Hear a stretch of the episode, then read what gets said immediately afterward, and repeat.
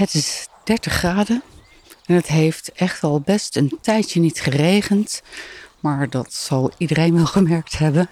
Ehm, maar de, de boompjes, de jonge boompjes die ik uh, eigenlijk dit jaar, nog geen jaar geleden heb aangeplant, die hebben het zwaar.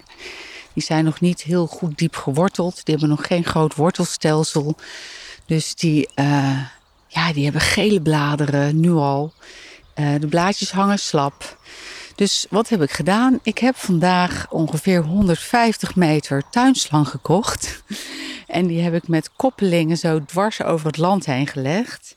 Nou, dat ging natuurlijk her en der een beetje mis. Dan lekte die weer hier en lekte die weer daar. Dan heb ik gelukkig een hele handige buurman. Of niet zozeer een handige buurman. Een buurman die werkt als uh, monteur van... Nou ja, dat is niet belangrijk.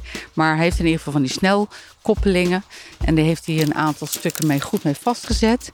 Maar de rest moest natuurlijk ook wel ontkoppelbaar zijn. Want ik moet natuurlijk halverwege hem af en toe los kunnen maken. Om daar wat uh, water te kunnen geven. Maar dat doe ik dus alleen bij de jongere bomen. De, de oudere bomen die er al langer staan, die, uh, die redden het al wel. Dus uh, nou, vandaag een waterdagje gehad. In de zinderende hitte van de, van de zon. Maar het was wel leuk.